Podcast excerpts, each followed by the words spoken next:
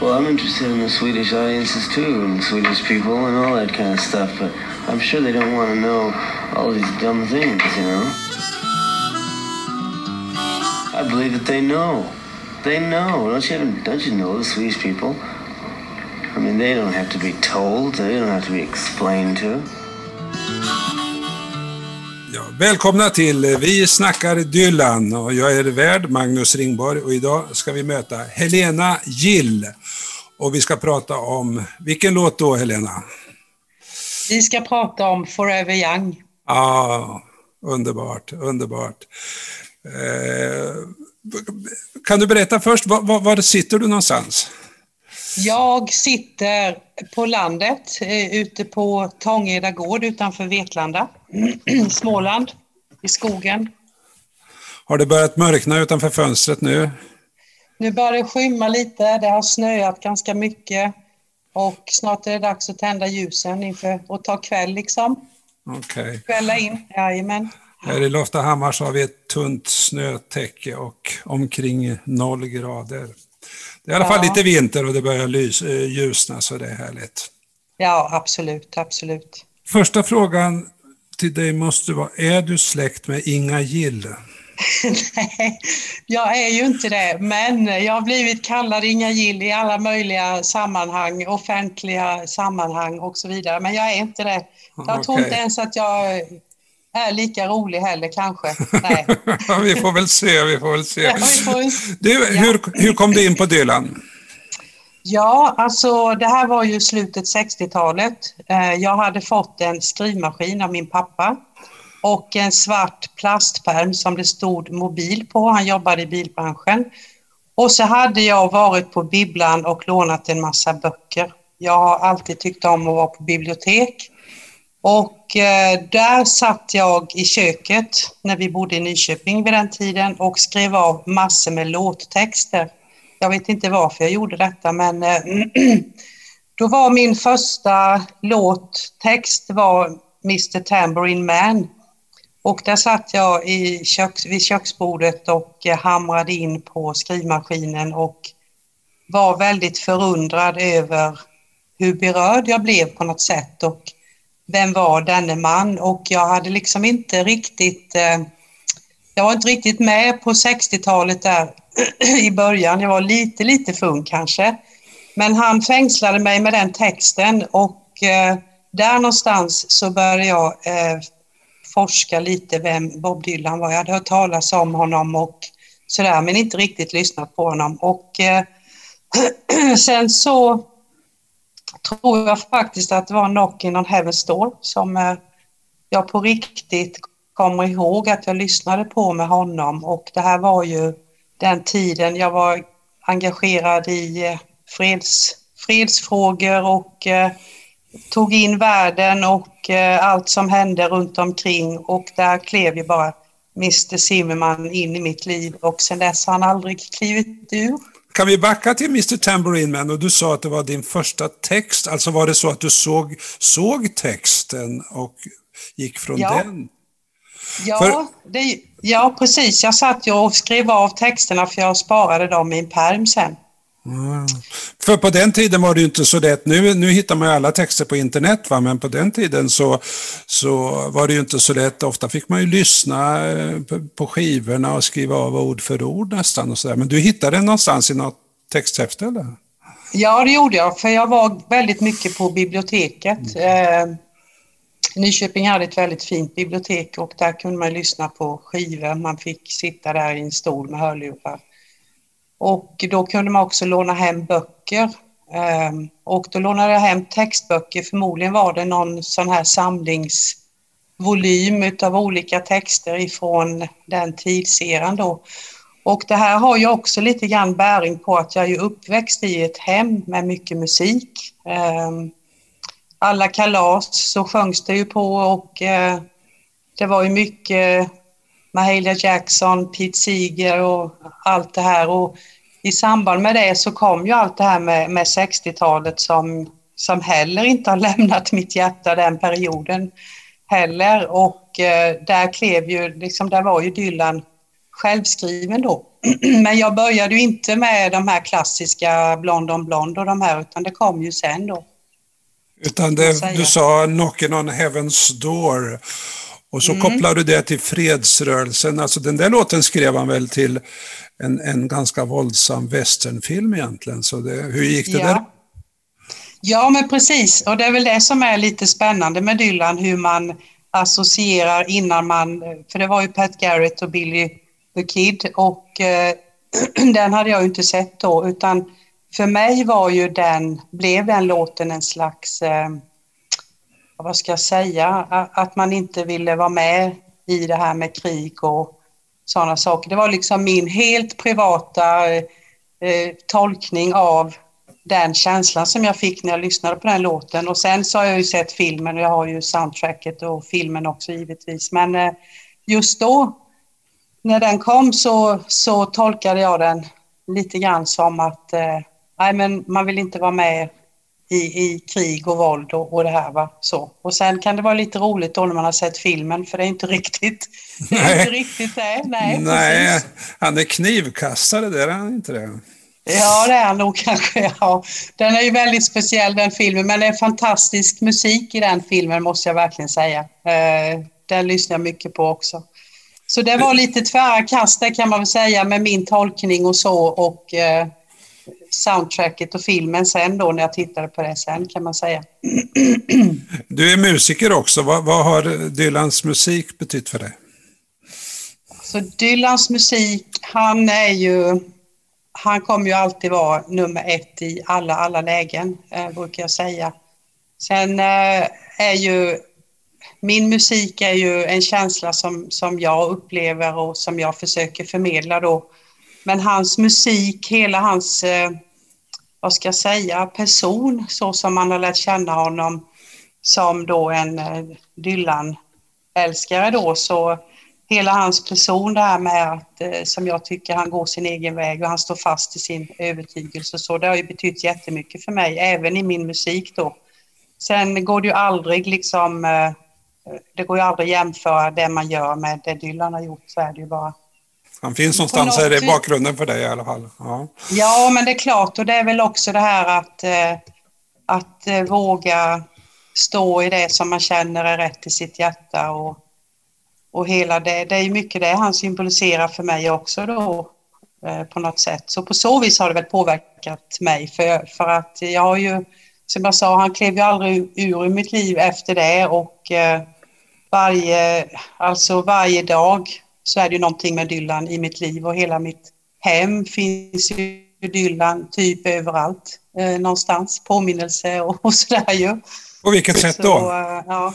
Finns han där Nej, fysiskt? Men, eh, Ja, det, det, hade man ju tänkt, ja. Precis, men han finns ju, inte, ja, han finns ju fysiskt eh, på så vis med böcker och skivor och tavlor och eh, jag har någon filmstjärnebild någonstans och vackra textrader som jag ramat in, eh, skrivit ut och ramat in så att eh, jag har ju också något som eh, har blivit döpt till Dylan-altaret som mina vänner har lite roligt åt. Men det är ju ett eh, ett gammalt bord faktiskt som blev renoverat och eh, det blev också inlagt ett prismärke i silver och över där sitter speciellt tavla och på det bordet har jag alltid en Dylan-bok och just nu är det hans texter då.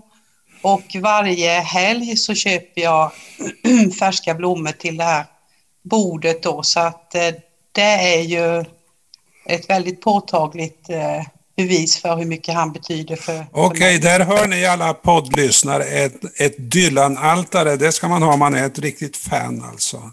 ja.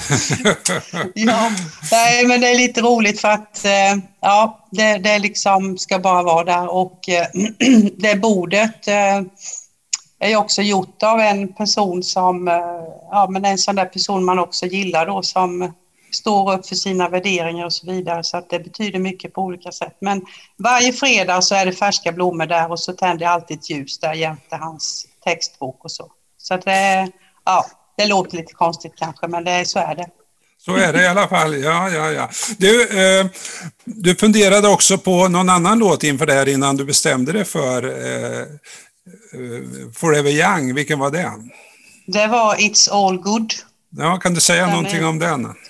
Ja, eh, den lyssnade jag väldigt, väldigt mycket på under en period i mitt liv. Eh, och för mig handlar den låten om att oavsett var man är i livet och eh, livet är ju en resa som eh, vi gör på olika sätt så handlar det för mig om att fånga de där ögonblicken som gör att man ändå kan känna att, eh, att allt är bra, liksom, allt är i sin ordning och det är en väldig kraft tycker jag. Jag gillar liksom arvet och kompet och hur han sjunger och sådär. Och allt är egentligen i sin ordning tycker jag då när jag lyssnar på den låten och den ger mig väldig kraft. Ja, för han, han beskriver ju egentligen att allting är inte i sin ordning. Det är i stort sett Nej. åt helvete, men sen vänder ja. han på det. Va? Ja, men är det inte det som är grejen lite i, i livet, att liksom ändå fånga de här ögonblicken? Ja, men allt är ändå i sin ordning.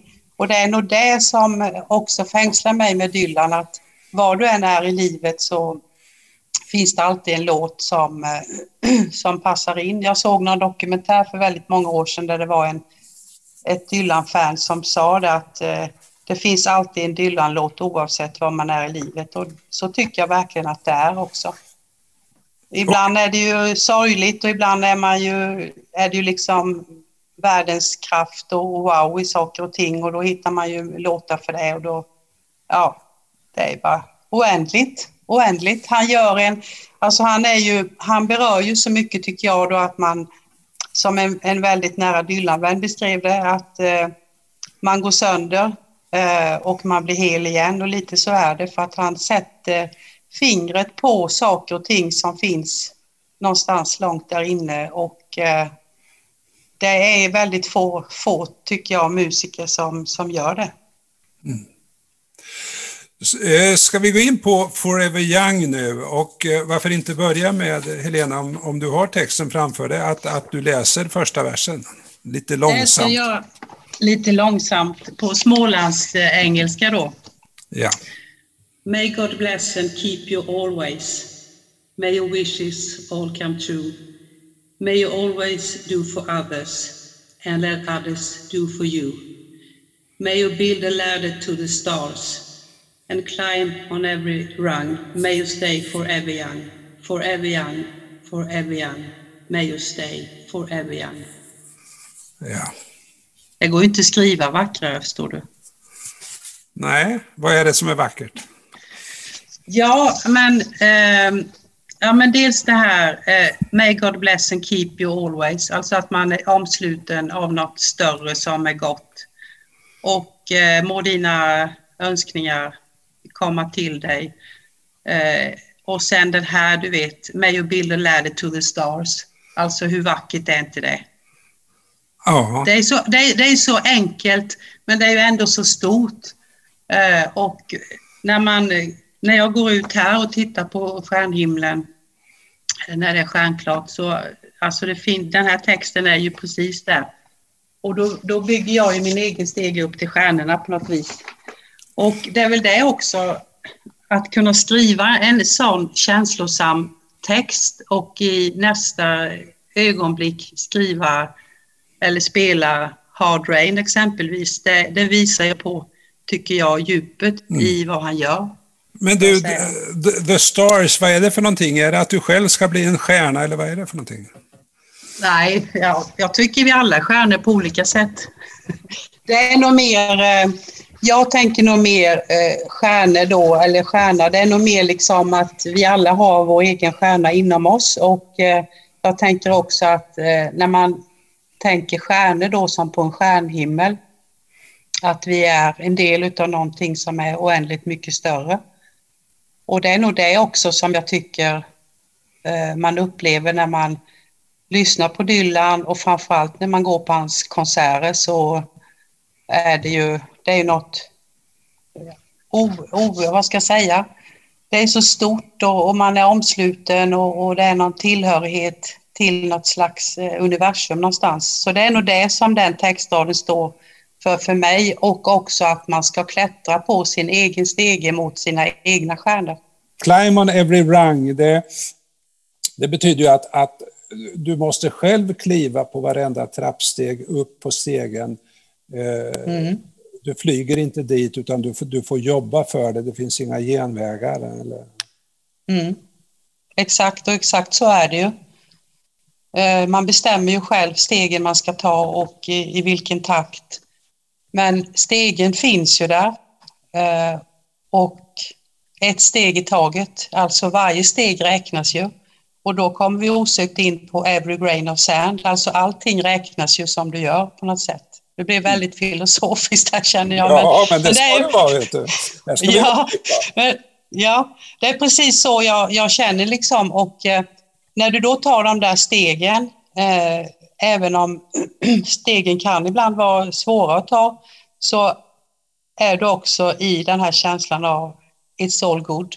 Alltså det är helt okej okay, allting. Du tar dina steg och du ser stjärnhimlen eller du ser stjärnan och, och så tar man ett steg i taget och eh, det är nog, eh, ja jag tycker det är ganska sant. Eh, för mig i alla fall. Du, innan den där stegen kommer in i bilden så, så hoppar du över två rader. Ja. May you, may, nej, vänta. May you always do for others and let others do for you. Ja. Eh, och jag hoppar inte över dem för att de inte, inte var bra. Jag var nog lite ivrig där kanske. Nej, men det är väl också lite grann att eh, både ta emot, eh, alltså let others do for you, det, det tänker jag att ta emot det andra gör för dig, men också göra för andra. Ja. Eh, och han, ja. börjar, han börjar ju med att ge, va? You may always do for others. Ja, precis. Så att, att, att både kunna vara den givande och att kunna vara den mottagande, det är ju, det är ju mm. väldigt vackert alltså. Ja, det är så vackert som man eh, ja, nu säger jag det igen, man går sönder. Som man gör. Och eh, det där är ju... Nej, men om man, om man tittar på liksom tillvaron som vi lever i eh, så är det ju, det är ju ganska gott att, att ge. Och det är ju också gott om man kan ta emot och det kanske är svårare ibland eh, att ta emot än att ge. Så mm. kan det vara. Men eh, så den där, den låten har ju alltid haft, alltså när jag haft lite större födelsedagskalas och så, så har den ju ofta varit med på inbjudan och när man har skrivit sommarbrev eller julbrev så har väldigt ofta Forever Young varit med där också, för den säger så väldigt, väldigt mycket. Och jag har försökt, eh, alltså man tänker till sina nära och kära och till sina barn, det är ju precis det man vill skicka med dem så att säga också. Ja, för sen kommer ju det här Forever Young, Forever Young, just Stay Forever Young. Mm. Och där tänker jag att det kan vara på två nivåer. På, på ett sätt är det som att det här sjunger du till ditt barn. Mm. Jag hoppas att du kan vara ständigt ung i sinnet. Men det finns ju också som en, en vuxen fantasi, alltså att vi vill inte acceptera åldrandet, utan vi vill eh, ja, du vet, plastikoperera oss och lite sådär, va? forever young, ja, ja. klä oss i tonårskläder. Vad, vad tänker du om det där?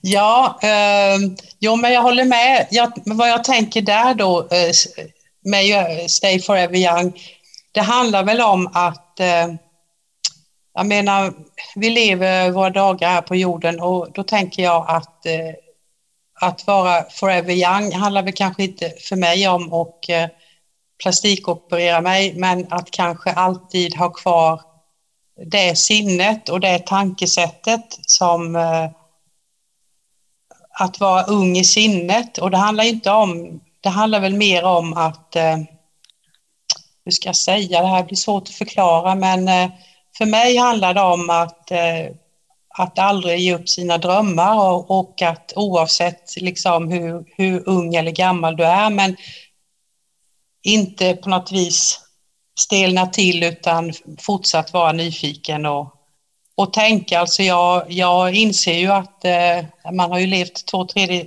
två tredjedelar av livet kan man säga. Jag ju, fyllde 60 för några år sedan och eh, det innebär ju att man inser det fysiska i det, men det innebär ju också att man fortfarande har en möjlighet att eh, stay forever young. Så därför så är den den textraden är ju liksom väldigt slående. Vi kan ju liksom inte sluta leva. Det går ju inte. Du Helena, alltså kan man ju spela in en, en skiva så, när man är 79 år och som rusar upp till första plats på listorna också. Ja, alltså du vet, när den kom, alltså jag vet inte hur många gånger jag lyssnat på den och eh, det var också så häftigt för att 2019 så var jag i New York med min son och vi vandrade runt i Greenwich Village och på alla de här ställena och och eh, när jag lyssnar på Key West då bara, kan jag ju bara blunda så känner jag att jag är ju tillbaka. Jag går ju där eller jag är ute på Long Island och går vid stranden. Och det är ju det också med Dylan att fastän han är 79 år eh, så, så är han, han är ju onekligen forever young även nu liksom. Och det är väl också det stora tycker jag med honom.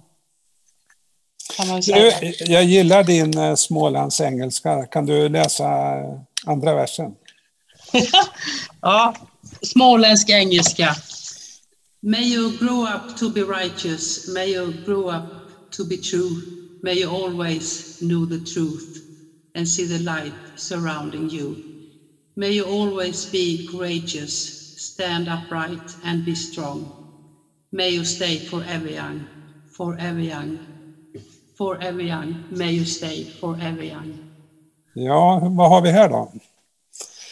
Ja, alltså om vi bara plockar lite. Grow up to be true, eh, alltså växa upp och vara sann. Det är också, tycker jag, vara sann i det man gör och det man säger. Eh, och veta sanningen.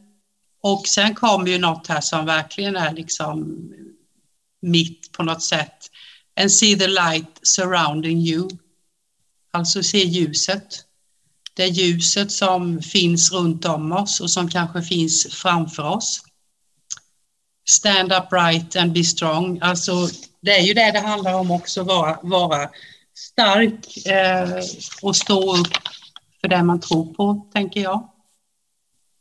Det här är ju så, så starka och stora ord som man nästan inte vågar ta dem i sin mun. Jag, jag tänker när han, han sjunger det här för en son, säger vi, eller något av sina barn. Mm.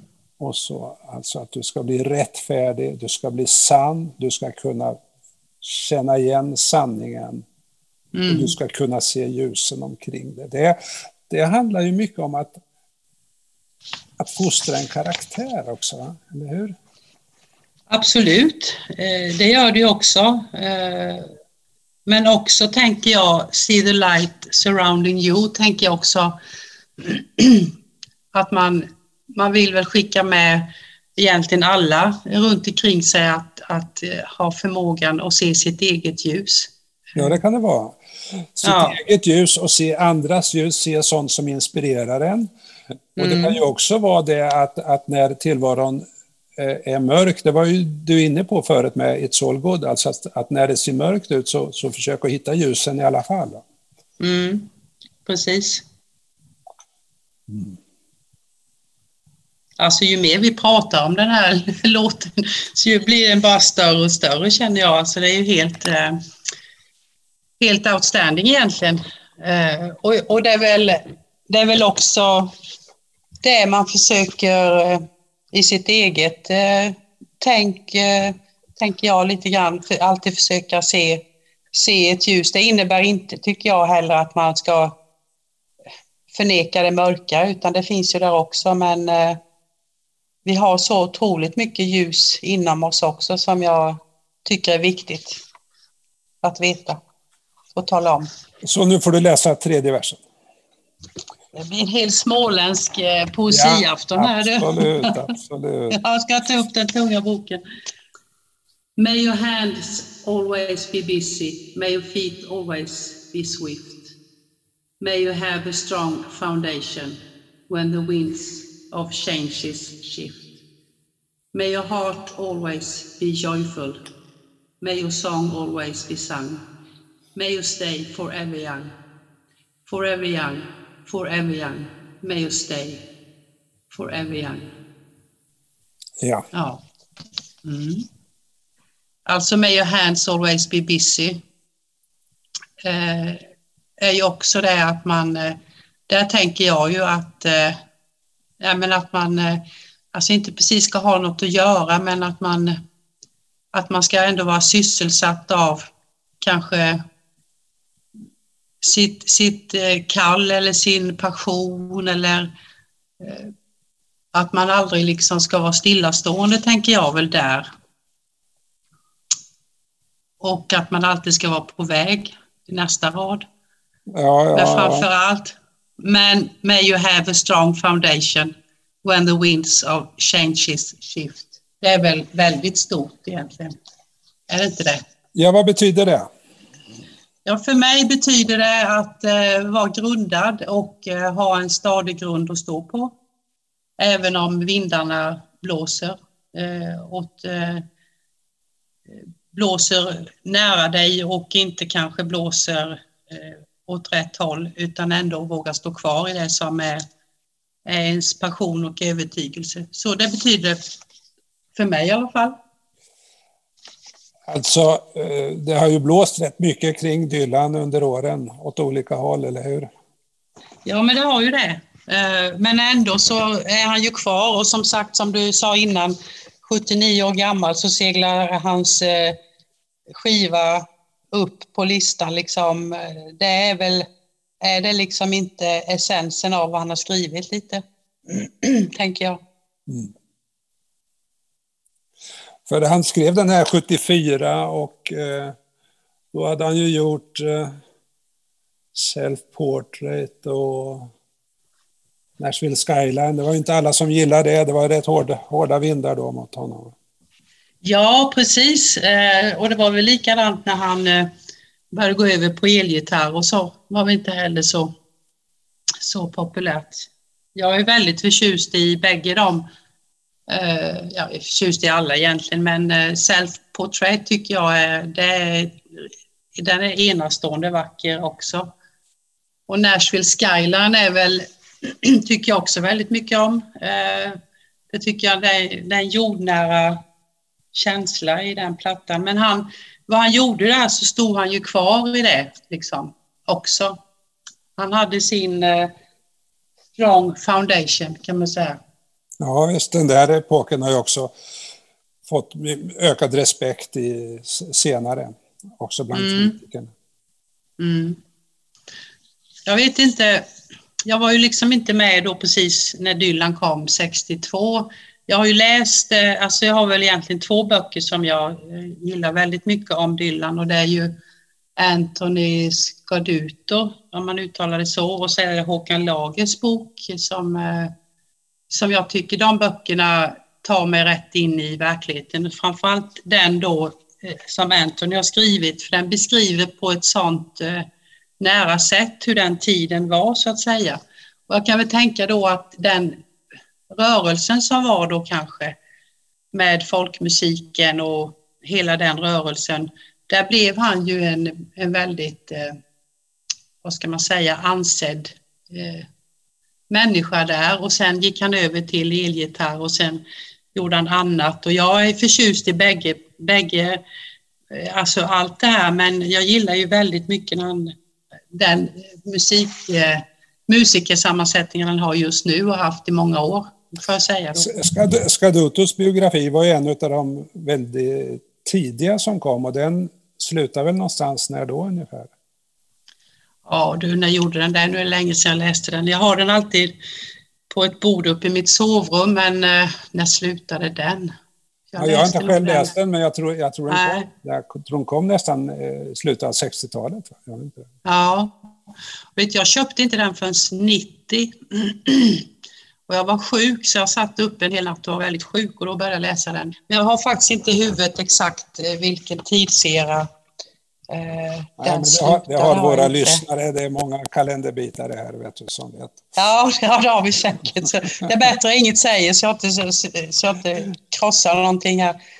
Nej, men jag gillar väl också de skildringarna utav, utav den tiden och eh, Håkan Lagers bok, eh, om vi nu ska nämna något om den, det vet jag inte om du ville, men eh, den tycker jag också speglar eh, det här vardagslivet med Dylan som jag känner igen mig väldigt, väldigt mycket i. Liksom. Så att, eh, ja. Mm.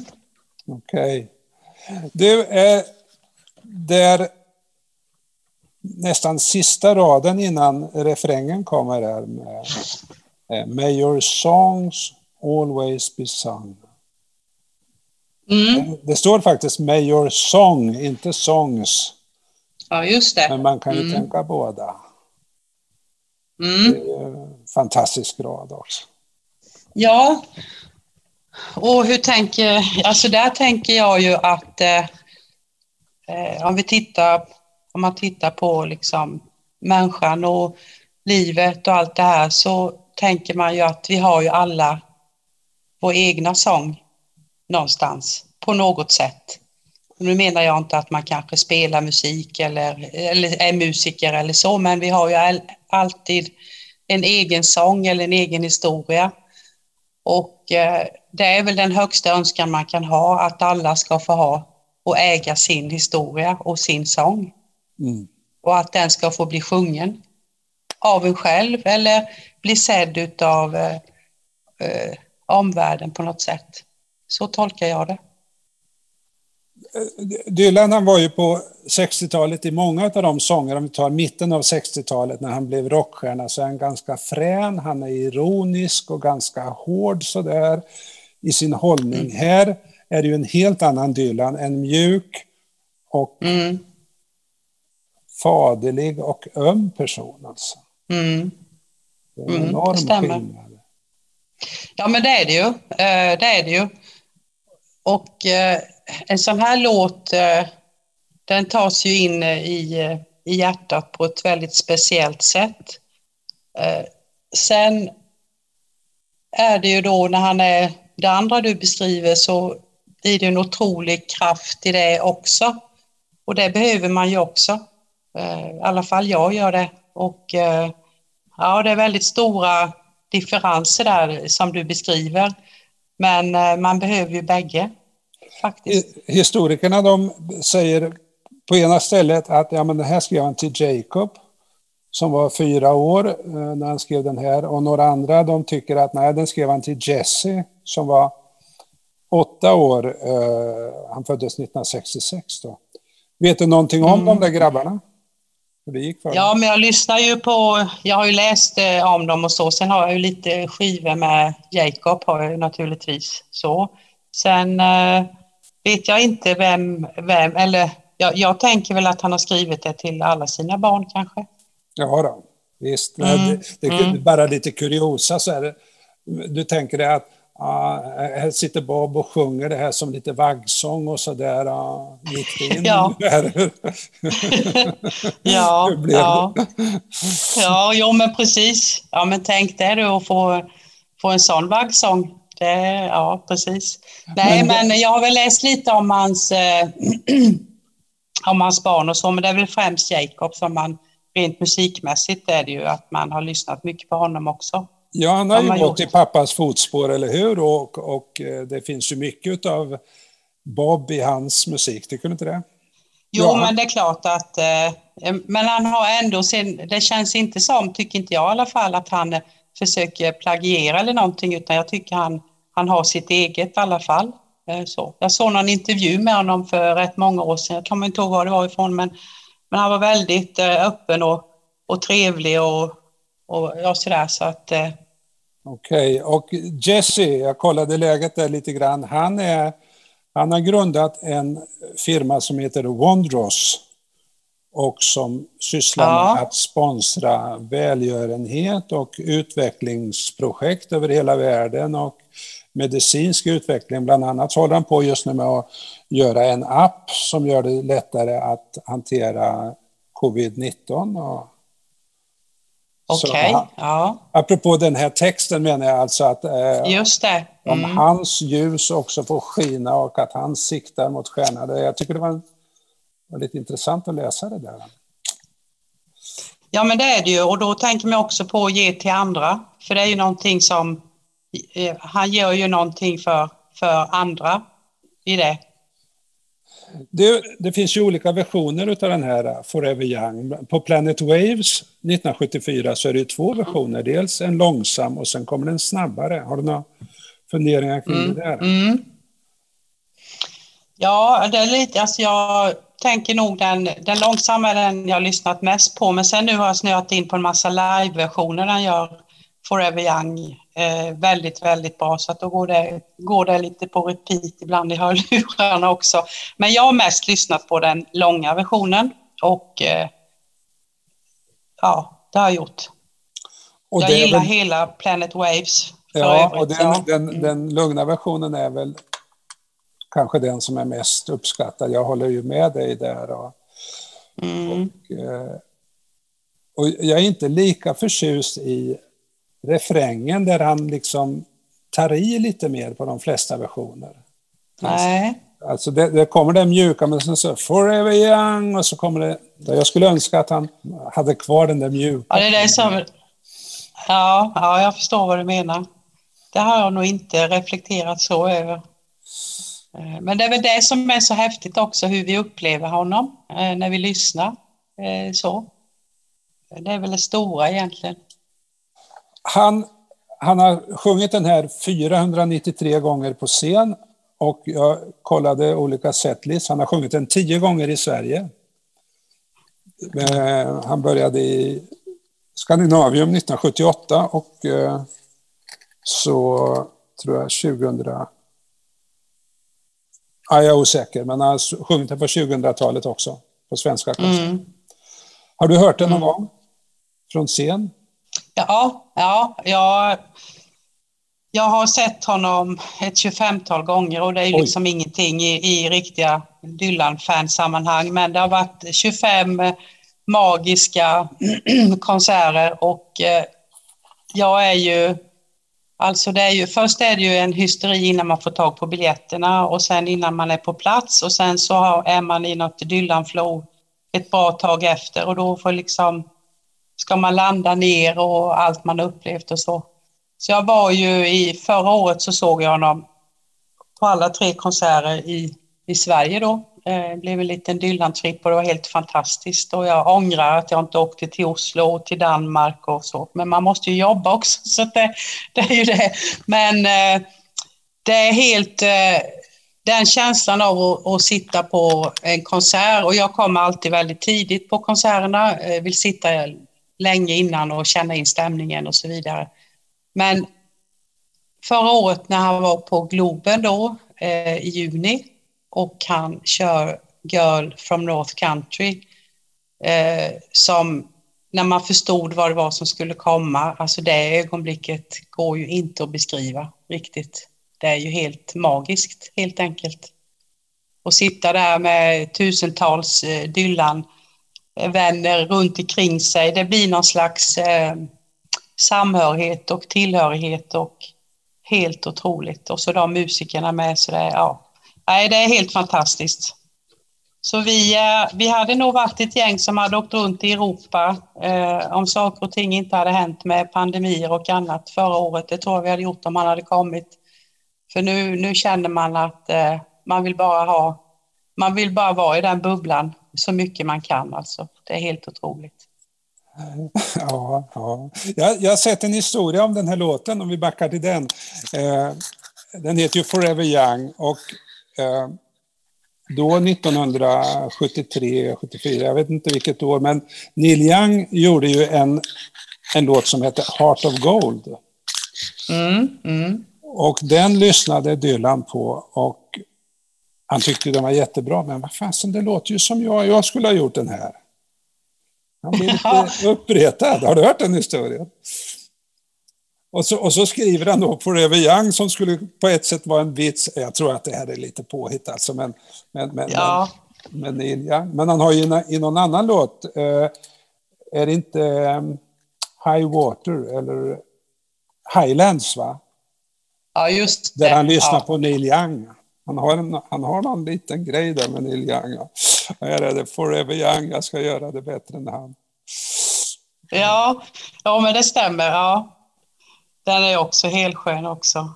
Det, eh, det, är ju också, det är en annan typ av, eh, av text i, i exempelvis den låten du nämner, för att där är man ju i en helt annan, man är ju i en historia på något sätt. Eh, det är som att vara med i någon slags berättelse, medan Forever Young är ju, är ju något helt annat eh, på något sätt. Och ibland tycker jag Dylans texter, eh, när han beskriver, alltså man, man är i rummet han beskriver eller eh, man är, om vi tar Simple Twist of Fate, eh, om man tar den låten så är man ju precis, man är ju där när han beskriver, när han sjunger så är man ju i själva handlingen. Och det är ju helt otroligt också, att han kan liksom skifta så. Vi säger Forever Young som, som är så mycket kärlek och, och ljus och, och, allt det här som, som jag upplever då. Och sen lyssnar man på en annan låt så sitter man, man är där jämte honom på något sätt. Det är helt, eh, ja, du hör ju själv, alltså det är ju, det är ju helt, det är, det är ju bara helt sådär, helt, eh, en stor, stort fluff här med bara liksom eh, hur mycket jag tycker om honom. Ja, jag hör ju själv hur det låter. man, man, jag känner mig med här också att man kunde sitta hemma i Hibbing på fredagskvällen när, när pappa då kommer med en välsignelse vid bordet. Ja. Och Alltså det finns ju en sån judisk bön som börjar så här, May God bless and keep you always, just med de orden. Va? Ja, men det har du rätt i, absolut. Och, och, absolut. och man kan också sitta med på, på sängkanten i Woodstock där han mm. sjunger en vaggsång eller något sånt där. Mm. Jo, men du har rätt i det, absolut. Det är liksom... Mm. Ja, det, det, börjar dra ihop sig här. Ehm, ja, jag förstår det. Ja. du vet, jag pratar mycket, men du vet, det, det är bara det är som att öppna en liten fontän här. I, ja, det är därför man har en podd, vet du, man får snacka.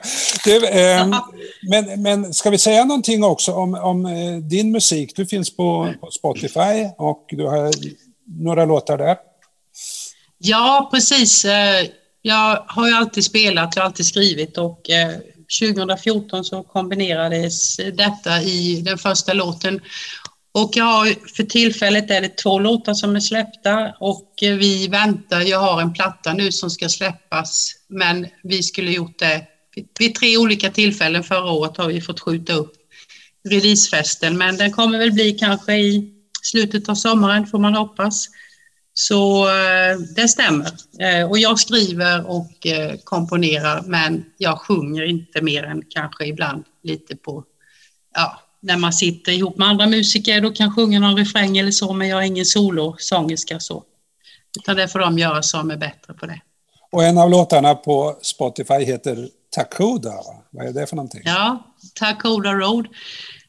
Den kom till 2014 och eh, Takoda betyder ju eh, vän av alla och för mig då Takoda Road så är det ju på något sätt att gå i livet på en, på en eh, väg i fred och liksom ha frid i sitt hjärta och se ett ljus framför sig. Eh, att man måste liksom, eh, man går sin väg i livet och det finns något större hela tiden som som eh, man ser där framme.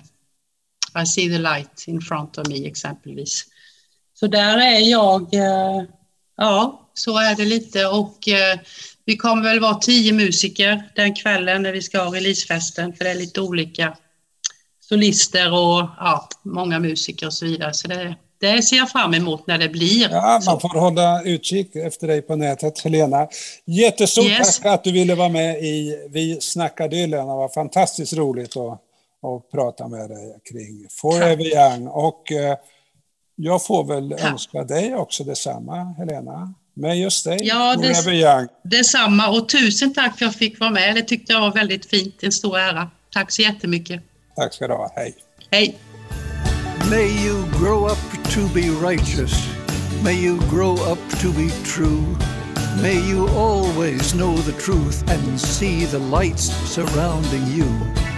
May you always be courageous, stand upright and be strong, and may you stay forever young. May you stay forever young.